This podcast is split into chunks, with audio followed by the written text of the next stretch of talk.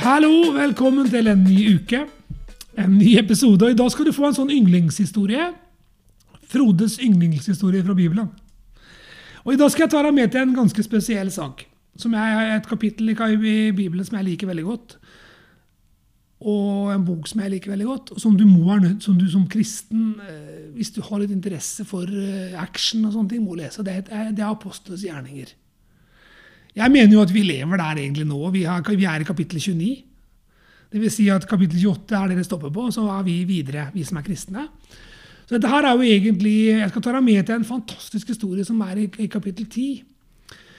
Og jeg har kalt historien egentlig, måte, vil egentlig at du skal få fram det at Gud faktisk hører når vi ber. Altså Han hører, han følger med.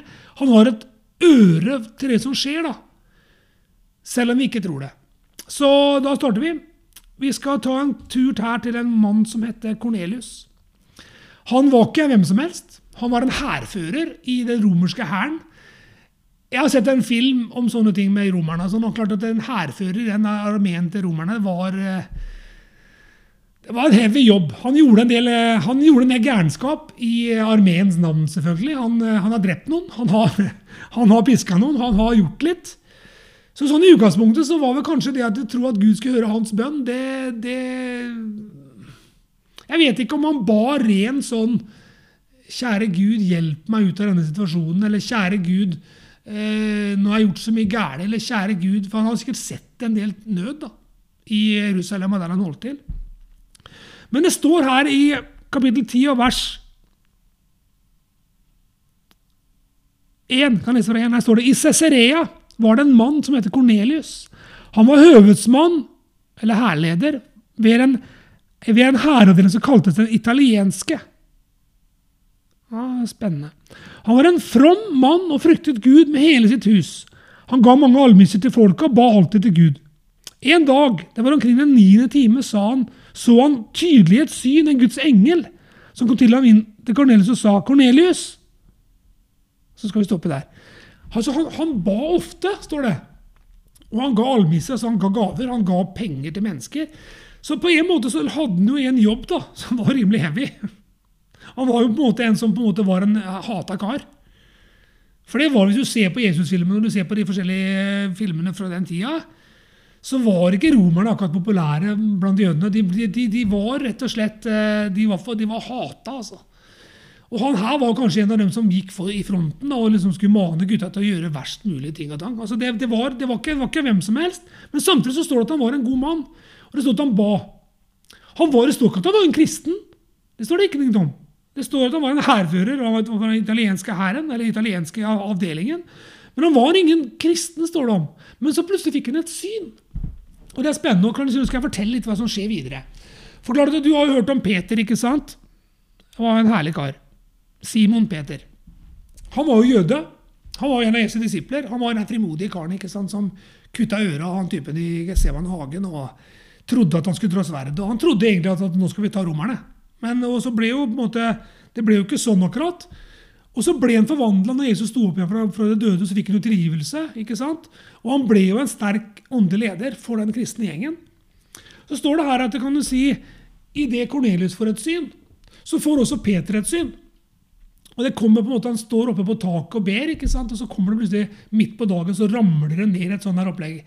Eh, han ser masse dyr, ikke sant? og jødene hadde jo ekstreme regler for hva de skulle spise av forskjellige dyr. Men så får han bare beskjed om det. Slakt og et.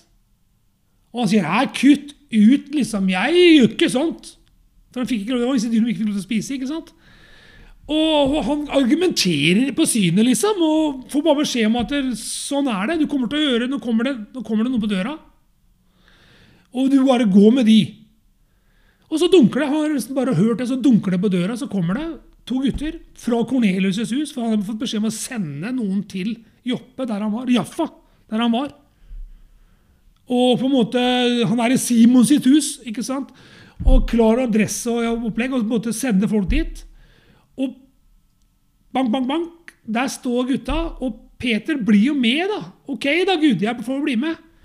Så står det det, altså Han kommer til Cornelius' hus, og det er ganske spennende. altså for det, Å tenke seg til at du får et syn altså no, Vi hadde jo sprunget for livet, vi, hvis vi hadde fått et syn. Og plutselig så sto det to karer der fysisk og sa 'bli med oss'. Da hadde jeg sluppet det som var i hendene, og tenkt 'kjære Gud', liksom! For en opplevelse! Ikke sant? Mens Peter var mer sånn 'ja, ja, ja, liksom, dette her liker jeg ikke helt'. Og det står at han kommer og går inn i huset der ikke sant? Og, og begynner å snakke til de folka, så sier han egentlig sånn at 'her har ikke jeg lyst til å være'. Dette her er ikke noe for meg. ikke sant? Jeg er jøde, og dere er hedninger. Jeg har ikke noe her å gjøre. Altså, Han håner det nesten litt. Altså, nesten litt sånn, Hva i all videste verden skal dere med, med det jeg har? For han trodde faktisk ikke at budskapet var for hedningene. Han trodde egentlig at Jesu budskap var for jødene. Så han var egentlig så indoktrinert, da. Det var et fint ord. Og tenkte sånn at vet du hva? Dette her er for oss jøder. Drit i de andre.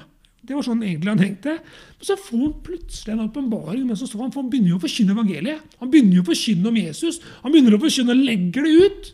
Hvis du leser kapittel 10, så er det ganske interessant. Han legger det ut. Litt motvillig, men så blir det giret. vet du. For salvelsen kommer jo. ikke sant? Og Han begynner å flyte i ting og tang. Og så plutselig vet du, så blir jo hele gjengen døpt i Den hellige ånd. Og det begynner å koke. ikke sant? Sånn som Han, han ser tilbake på pinsedag, ikke sant? der det var flammer av ild. og og tenker Wow, liksom! Gud vil jo disse her noe godt. Og da får han på en måte en tanke om at vet du hva? Det er jo for alle. Ikke sant? Det er det som skjer i dette opplegget her. Og så blir det jo en herlig stund. Det står et Cornelius' hus. Jeg er sikker på at det var et ganske stort hus med ganske mange mennesker. Og veldig mange av de fikk møte Gud fordi at Peter, da, selv om han ikke var helt lydig med en gang, og var litt motvillig, ble med på det Gud ville. da så åpner det en mulighet for evangeliet. Og det er jo det det dreier seg om.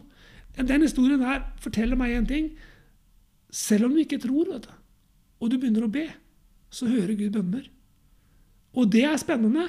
For klart at Du kan sitte nå og høre på Tetris-tro. at Du har på en eller annen rar måte dunka inn på, Spotify. Kanskje via en Facebook-side, eller at vi har lagt ut på Instagram, eller vi har vært frimodige med å ha lagt ut. ikke sant? Plutselig så sitter du der. Du er ikke noen bekjennende kristen. Du har ikke noe tro på egentlig det som vi snakker om. Men plutselig så begynner det å røre seg. Vet jeg skal si deg en ting. Begynn å be, da vel. Begynn å snakke med Gud. da vel. Begynn å på en måte tømme hjertet ditt litt. da vel. Kanskje han svarer. For se på Kornelius' historie. Det er en historie som sier det går an, faktisk. Han hører bønn, og han sender mennesker. Han setter aktiviteter i gang. Så vet du hva? Det vi må gjøre, vet du, er å stole på at Gud hører oss. Og denne historien her er egentlig en fantastisk historie om lydighet og om ærefrykt og om å tro på at det fins noe større enn deg sjæl. I tillegg så er det en historie om at Gud faktisk vil røre med alle mennesker. Så jeg elsker apostlenes gjerninger. Syns det er herlig. Apostlenes gærninger, som de sier i Danmark. jeg elsker jo det, og, og syns det er herlig å være på en reise sjøl. Og du må bare kan glede deg til kapittel 30, og 33 og 34 og sånn. Nei, vi er bare 28 kapitler. Men vi lever det livet der nå. Vi er kalt til å skrive historie. Og, vet du hva? Du, vet du, er viktig for Gud. Du er skapt med en hensikt i Guds bilde. Du ligner på Gud. Han vil at du skal gjøre noe for ham. Så begynn å be. Begynn å stole på at han hører deg. Og vær da bare riktig frimodig og sterk. Og det vet du hva, det, det er ikke en klisjé. Det er noe du må være. For du må stole på at Gud er med deg. For han er ikke mot deg, vet du. han er med deg. Så ha en fantastisk uke. Gud velsigne deg. Vi snakkes.